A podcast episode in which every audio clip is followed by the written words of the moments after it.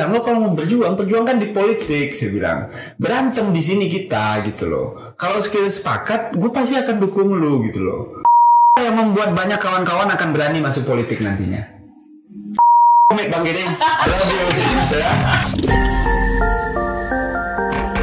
Selamat datang di Lex One Podcast. Kita kedatangan tamu muda, eh, politikus, dan sangat pintar. Siapa dia? Valdo Maldini. Oh, Selamat yes. datang Mas. Eh, kita Selamat. panggil Mas Kak atau Valdo?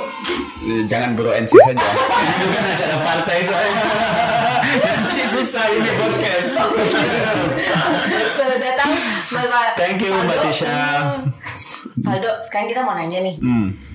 Lo kan anak MIPA nih. Ya. Ini langsung to the point aja ya. Kita udah tahu deh lo siapa kan. karena Anak- banyak di Google sih Iya sebenarnya banyak, Nah. banyak banget. Di YouTube juga gue lakukan itu secara sadar by the way untuk naikin rating ya. biar nggak ditanyain Oh gitu. Iya. Nah gue penasaran nih, anak MIPA bisa nyasar ke politik Hmm. dan bisa jadi BEM, bisa jadi PPI UUK juga, ah terus bisa politik. ya Memang itu panggilan hidup.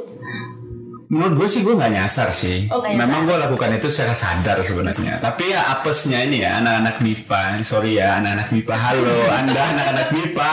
Ya karena kita ini dalam derajat tertentu menjadi korban atas eh, lembaga konsultan pendidikan menjelang masuk kuliah Ya bahwa anak-anak IPS itu diasumsikan anak-anak yang pemalas Iya. gitu kan, anak-anak bandel gitu. Apalagi gue dari kampung kan. Sedangkan anak IPA tuh orang-orang pinter itu ke situ gitu. Katanya kan begitu. Padahal setelah gue lihat-lihat ya, pilihan jurusan anak IPA tuh cuma tiga.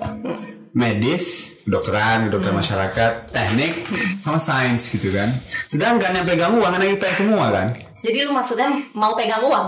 Iya dong, siapa? Ada nggak sih orang yang nggak pegang, pengen pegang uang di sini gitu loh? Tapi dalam derajat tuh gini mbak, aku eh, memang dulu ketika kuliah, gue tuh kayaknya lima tahun ya kuliah. Kayaknya gue serius kuliah itu cuma dua tahun sih, atau dua semester kali. Tiga tahun ngurusin BEM. Yes, ngurusin organisasi. Mulai dari jurusan fisika, lanjut ke fakultas, terus lanjut ke UI gitu loh. Jadi ya ya periode periode gue lima tahun kuliah itu seriusnya pas masuk IPK masih bagus, pas keluar memperbaiki kesalahan-kesalahan sebelumnya gitu loh. Karena kan gradien IPK gue ya sama dengan min X turun. Ya, ini anak MIPA banget nih ngomongnya nih, matematik nih kan.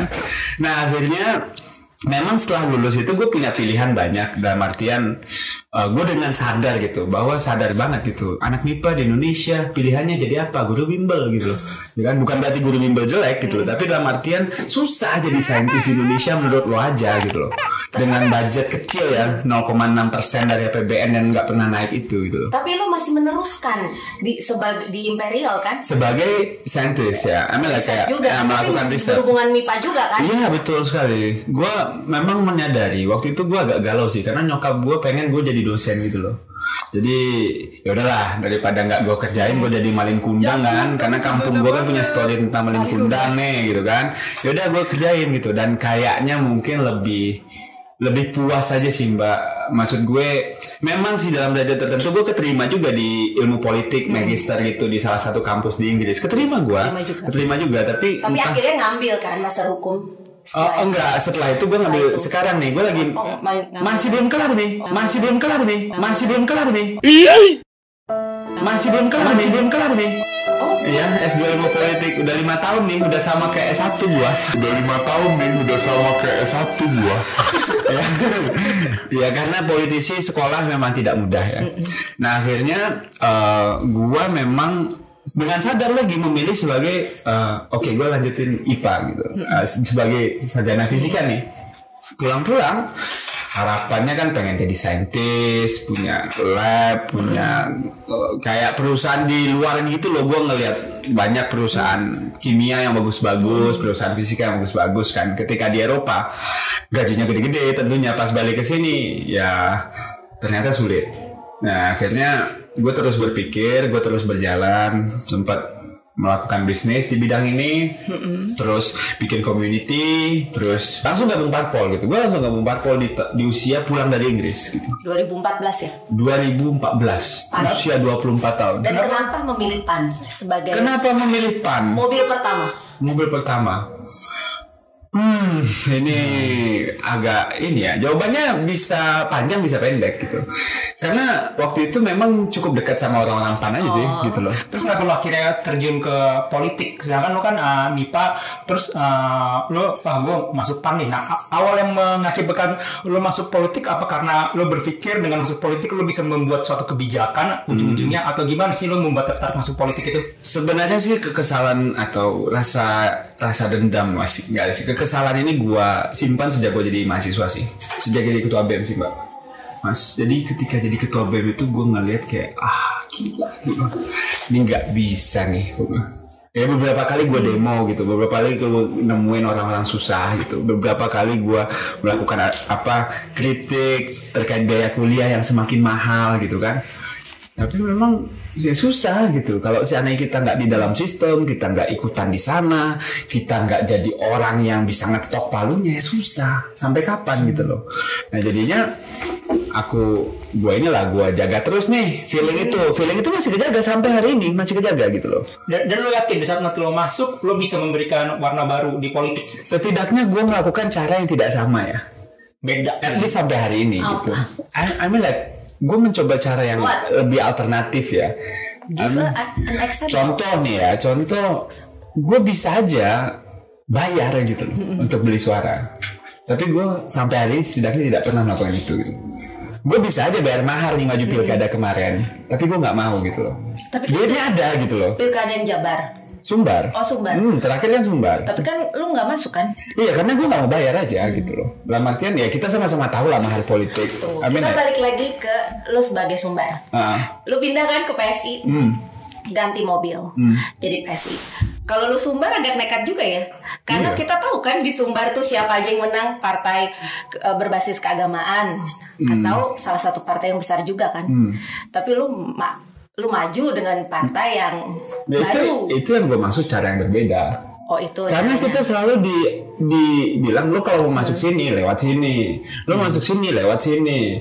Terus gue mikir siapa dia ngatur-ngatur kita gitu loh, ya kan? Jadi pas lu jadi itu tetap yakin kalau PSI bisa. Ya kenapa enggak? Uang surveinya oke kok. Karena kan bahkan ya Tapi nggak punya kursi. Lebih lebih ini lagi, lebih beda lagi kan caranya gitu loh. Jadi menurut gua yang bedain anak muda itu adalah keberanian dia untuk ngambil jalan yang beda itu. Kalau dia nggak berani beda, ya dia bisa jadi dia nggak muda gitu. Setelah kalah ini, menurut lu Indonesia masih gimana? Masih belum bisa menerima? Ah, kalau menurut gue sih wave-nya udah mulai muncul sih. Maksudnya ketika kemarin di survei, ini gue ngomong datanya aja. Di survei gue kerja itu pakai PSI, nggak punya kursi, expand, ya kan dalam artian pasti orang pan Nggak akan dukung. akan total ngehadang gue kan gitu. Tapi ternyata, Tapi kan kamu kalian pisahnya baik-baik. oh iya dong, Tapi jago. Bisanya harus baik-baik. Di depan, Hah? di depan baik-baik. di depan dan di belakang baik-baik. Oh, oke. Mm-mm. Jadi surveinya oke, kita sampai di angka 5% lah untuk orang yang baru kerja sekitar tiga bulan. Itu melewati para bupati, wali kota yang udah lama di sana gitu loh. Maksudku ini kalau diterusin sih bisa ya. Gitu. Tapi kita kan juga ngukur. Gitu. Maksudnya gini. Kalau seandainya gua harus bernegosiasi dengan cara begini, ngapain gua susah-susah gitu. Nah akhirnya gua memilih untuk tidak tidak melanjutkan nafsu dalam derajat tertentu ya. Cashnya ada, ready, standby semua gitu. Apa lu siap-siap sekarang untuk 2024? Masih jauh sih. Kalau untuk sumbar lagi, gua rasa sih agak sulit gua bilang gua akan ke sana lagi. Gitu. Tapi lu akan setia di mobil yang sama? Ehm, kenapa enggak gitu loh. Jadi at least sampai hari ini gue minimal ya, minimal gue sebagai anak dari Sumatera Barat itu udah melakukan apa yang seharusnya gue lakukan. Yaitu gue pengen pulang ke kampung, gue pengen ngabdi nih. Tapi pada akhirnya ketika lo semua tidak bisa menerima gue, ya it's okay gitu. Ayo kita dukung yang apa maksudnya? Oke, gue akan support ini orang dalam derajat tertentu yang kepilih, tapi sebagai partai, gue kan ketua partai di situ, gue udah declare posisi gue sebagai oposisinya, karena yang menang kan PKS. Ya sudah, gue posisi aja.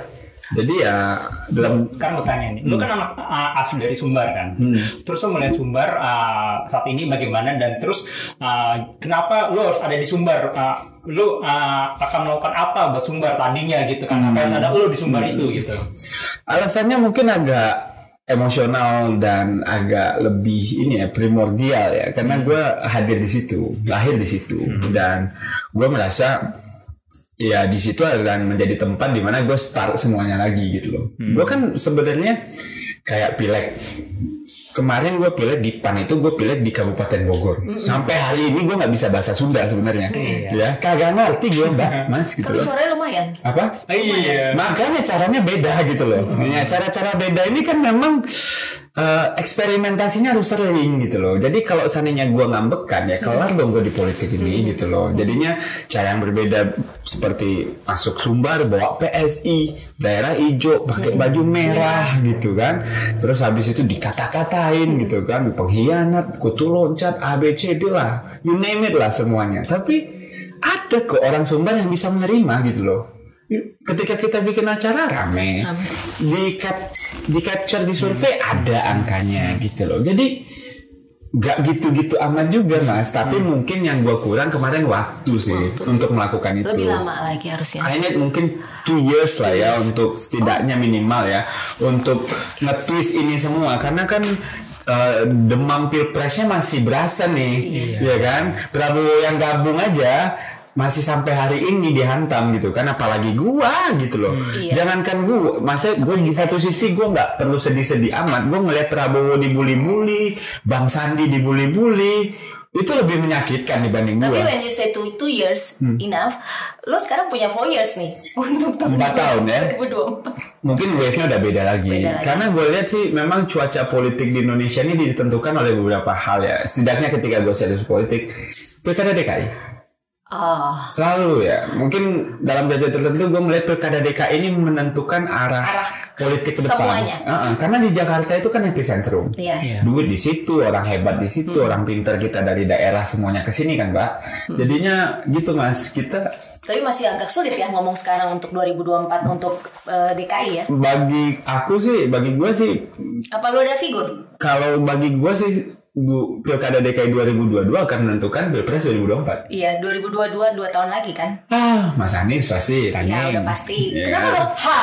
Hmm, ya agak berat sih ngelawan Mas Anies menurut lo aja emang gampang ngelawan Mas Anies Enggak ya, ya kan berat sih dalam posisi kan gue punya punya klub bola ya Iya. ya punya klub bola kan agak selalu berbeda sama Mas Anies tapi dalam derajat tertentu kita nggak tahu bisa aja nanti PSI mendukung Mas Anies kita nggak tahu tapi Mas Anies adalah kandidat yang sulit ditaklukkan menurut gue ya. saat ini dia jago banget. Bicaranya jago banget. Kenapa lo bilang bicaranya bukan kerjanya? kalau gue lihat sih Jakarta juga oke berantakan ada gitu, tapi arahnya ke positif juga ada gitu loh. Gini loh, bukan bukan berarti gue bilang eh, Pak Ahok kalah sama Mas Anies dalam kinerja atau Pak Ahok kalah sama Mas Anies dalam bicara ya. Tapi dalam derajat tertentu menurut gue eh, Mas Anies juga disupport oleh tim-tim yang cukup bagus yang gue kenal dan Jakarta juga bagus kok sekarang lo lihat aja. Ya, wal- bagus, kan? Fairly say lah. Maksud gue, oke, this guy talk too much gitu. Tapi dia juga mungkin tidak serame Pak Ahok. Karena Pak Ahok melakukan sesuatu ketika itu dia pertama kali ngelakuin. Yang seharusnya dilakukan oleh banyak gubernur DKI. But kalau seandainya gue disuruh, gue pengen berhadapan sih sama Mas Anies. Mau Jadi target lo selanjutnya Nggak ambil lah berhadapan dalam dari tertentu posisi ininya Posisinya? posisinya itu oposisi Nah, ya hari ini kan kita di situ berharap PSI tetap di situ menurut gua. menjadi oposisi di maksudnya. Karena gua nggak bisa nggak bisa intervensi juga kan. Gue balik lagi ya. Hmm. Ini agak seru nih. Menurut lo anak muda sekarang tuh gimana sih sama politik? Karena menurut survei hanya 27% loh Hmm. Ya. yang politik praktis. Hmm. Menurut lo gimana sih? Apanya yang politik praktis? Mereka maksudnya menjadi Interest. Iya, interestnya Gede kali itu 27% menurut gue. Ya nggak sih? Lumayan. Menurut gue itu agak gede sih mbak. Maksud gue jadi politisi di usia muda itu kan bukan pilihan karir yang masuk akal ya gue kira ya. Iya. Iya nggak sih? Maksudnya di sini sih panggilan ketertarikan gini loh. Biasanya mereka orang mereka kan nih kawan-kawan gue tuh rata-rata di startup, di betul. consulting company, Iya. di law firm, biasanya nggak punya ya dagang gitu kan. punya keluarga atau Punya apa bisnis sendiri. susah untuk jadi masuk pol. Lu ada keluarga Eko di sih politik? Gak ada, bapak itu usaha rental mobil sampai sekarang. Oh. Mama itu pensiunan pen- perusahaan swasta. Tinggalnya di Padang, di komplek loh. Gitu tinggal, nggak ada Jadi, turunan. Turunan sendiri yang berpolitik. Iya. Orang tua bilang apa pas berpolitik? Oh, bapak mama mah nggak mau ikutan. Oh, nggak mau nggak mau duitnya kecampur. Kata saya nggak mau ikutan terserah kamu aja gitu. Walaupun mereka selalu merasakan dampak lingkungannya sih. Nih Do, tadi kan eh, Valdo ngomong masalah duit kecampur kan. Nah, anak muda tuh kan mau masuk politik pasti membayangnya, wah modalnya besar. Gitu. Iya, betul. gimana? Emang Ada- gede, kok? Ada, ada nggak sih modal Iya, eh, 30 pakai fundraising atau gimana untuk meng- mengumpulkan modal untuk maju itu Valdo eh, gimana? Ada komentar nggak atau ada tips atau apa? Ya menurut saya sih memang yang jadi masalah kenapa anak muda tuh nggak banyak masuk politik karena ketidakjelasan kita berpolitik ini dalam skema pendanaan ya. Financing kita tuh nggak jelas mbak. Financing kita tuh nggak jelas mbak. Financing kita tuh nggak jelas mbak. Orang mau berpolitik misalnya, anak muda nih, dia kan mikir payroll gue gimana. Iya benar. Iya kan, habis itu gue punya anak, gue punya bini, gue Iya. punya ini ini cicilan A B C D itu gimana tuh gitu kan? Itu kan gak di cover dalam artian politik kan partai apa itu kalau kerja di situ juga tidak seperti kerja di company kan, ya jadi ya beda gamenya. Jadi tapi di sisi lain kita nggak berani juga untuk bikin kejelasan nih terkait financing politik ini. Dalam artian partai dibiarin kesulitan, ya kan? Habis itu eh, kita nggak mau juga kalau seandainya ada partai yang ngelobi proyek dapat fee, ya kan? Kita kayak nggak going nowhere gitu loh mas. Dalam artian partai nggak dapat duit, partai nggak dapat duit, Partai nggak dapat duit. dan partai nggak boleh nyari duit. Ya susah dong. Ya susah dong. Ya susah. Dan partai nggak boleh nyari duit. Ya susah dong. Ya susah dong. Nggak dapat duit, nggak boleh nyari duit. Terus akhirnya yang datang siapa? Yang punya duit dong. Yang punya duit siapa? Ya pasti orang-orang yang udah established kan, nggak nggak masuk anak muda ini gitu. Karena ketika aku ngajakin teman-teman gua yang pinter-pinter nih misalnya, kan. Yang pinter-pinter tuh rata-rata kayak mas mbak semua nih di podcast, di startup di mana kan, dia nanya gitu gue dapet apa bro gitu. Hidup gue ntar gimana? Cicilan gue masih banyak nih. Cicilan lu masih banyak nih. gitu kan? Iya juga sih gitu. Gue juga merasakan yang sama. Tapi kalau gue memang dalam derajat tertentu pertama gue memang sempat bisnis. Two years ya. Gue sempat punya bisnis. Yang kedua memang yang gue kontrol lifestyle sih mbak jadi gue mungkin mudah-mudahan ya nggak berubah ya. Ya gini-gini aja hidup gue gitu loh. Mau punya duit 200 miliar 20 miliar 2000 perak tetap bisa minum kopi 2000 perak gitu loh. Berarti kita tunggu 10 tahun lagi. lifestyle ya mungkin gua rasa. Mudah-mudahan ya ini kan di record nih.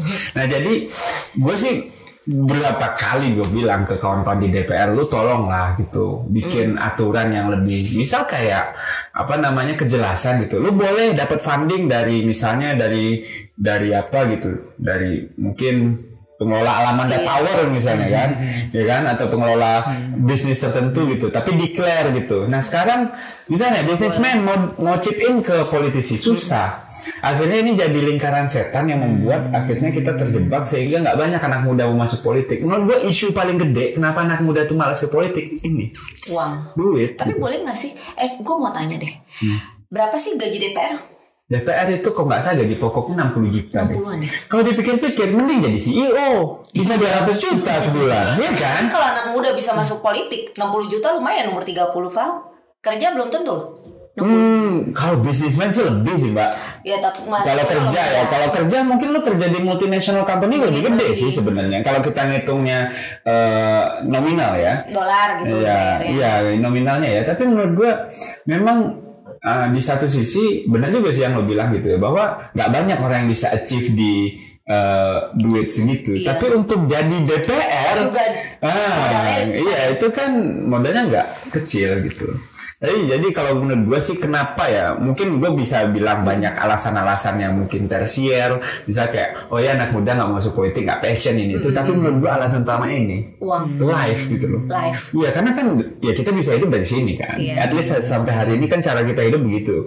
Tapi kalau seandainya kita bisa menemukan modelnya bahwa oke lo bisa masuk partai ini lo bisa punya jenjang karir yang naik nanti ketika lo naik misalnya dari kepala departemen ada seleksi yang merit system terbuka gitu terus operatnya bagus kalau saya kepala departemen gaji segini terus nanti promotion partai gitu. iya misalnya Tapi memang ada promotion gaji, digaji gitu kalau di partai. nggak ada di partai itu digaji soalnya jadi sulit gamenya gitu jadi memang Modal sendiri. paling ya PSI lah dalam derajat tertentu mencoba fundraising kan Fundraising. fundraising tapi itu pun Ya tidak banyak orang yang berani gitu loh chip in gitu loh. Ya makanya anda tolong gitu loh. Ya bantu Ayo, kami untuk untuk mengubah ini. Enggak dengan dengan dengan fundraising. Boleh nggak gue bilang kalau mau menjadi oposisi dari Pak Anies, tolong fundraising fundraising. Boleh gue? Karena gini, kalau lo lihat di Amerika, Boleh lo lihat di Amerika. Tuh, boleh nggak gue bilang gitu? Ya, kalau gua yang bilang sih nggak boleh, tapi kalau yang bilang gua senang sekali. Gue cuma bertanya ya. Karena gini, ketika lihat pilpres Amerika kemarin misalnya, kan enak gitu loh.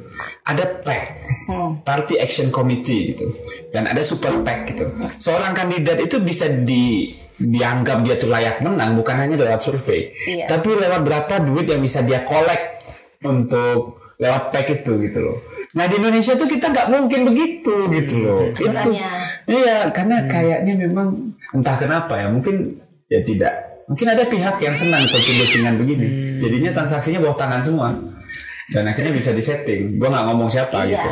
Tapi itu Kalau lo ngomong settingan, C ya maksudnya kucing-kucingan, Hmm. gue tahu sih PSI kan memang eh, tentang korupsi ya. Hmm, Nah, transparansi. transparansi, korupsi. Hmm, Terus lu gimana nih? Ada beberapa nih sekarang Hmm. partai yang apa di kabinet yang saat ini nih. Ya kita punya banyak kader Bapak Ibu untuk diambil ya. Kalau saya tertarik silakan datang ke kantor atau kita store namanya juga bisa.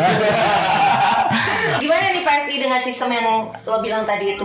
Ya kadang kita dorong terus transparansi Maka PS itu teriak-teriak terus terus tuh Terkait anggaran Terkait Formula E Terkait beberapa eh, keanehan-keanehan yang terjadi dalam anggaran Jadi memang menurut gua sih do, Mungkin bagi sebagian orang mendorong keterbukaan itu udah mulai menjemukan ya tapi mau nggak mau kita nggak bisa melangkah ke mana pun kalau kita nggak pengen terbuka kita nggak pengen fair.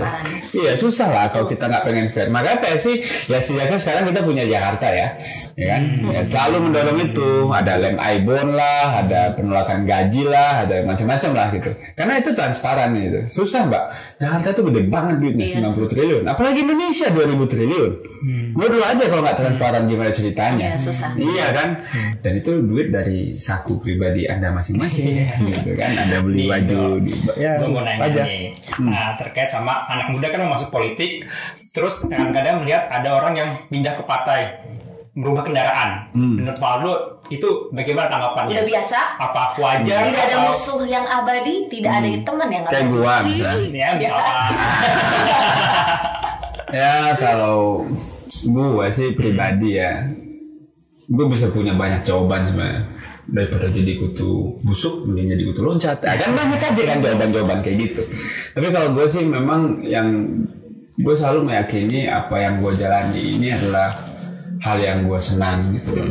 Dan PAN adalah tempat yang paling baik lah menurut gue ya untuk Belajar. tumbuh dan belajar gue dapat banyak kesempatan eh, untuk sampai ke titik ini sih menurut gue ini agak terlalu cepet sih mbak gue sebenarnya dalam derajat tertentu mas gitu. I'm still 30, 30. iya kan? Baru 30 tahun gue tapi ya mungkin mudah-mudahan di PSI gue bisa growth gitu loh. Bisa tumbuh. ya kita kita kita bicara terkait apa yang bisa ya di PAN gue juga bisa growth gitu. Tapi mungkin ada kesempatan yang mungkin gue dapatkan di PSI misalnya dalam derajat tertentu terkait jadi calon gubernur di Sumatera Barat gitu loh. Ya mungkin tidak semudah itu kalau seandainya gue running lewat PAN gitu loh. Ya kan? Namanya tentu 30 tahun nyagup itu kan udah apa Susah baca- ya, sempat ke MK juga tuh. Iya sempat ke MK umur gua kurang satu hari, kurang satu hari, kurang satu hari. ya Terus untung akhirnya Allah. dimundurin kan? Untung covid gitu kan.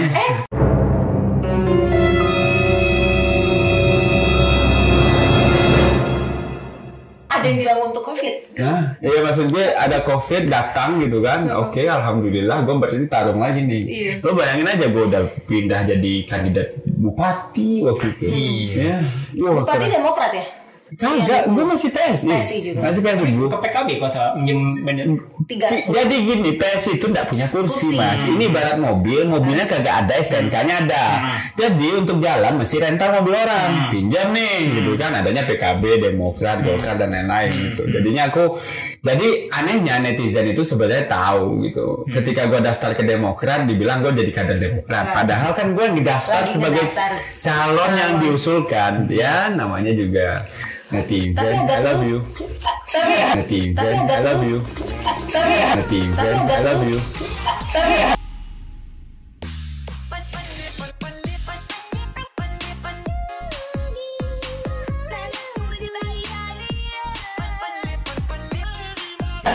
agak lucu sih lo Val Hah? karena lo hatersnya banyak Iya. Iya, ngerasa kan? Ya, terima kasih telah membuat saya semakin besar.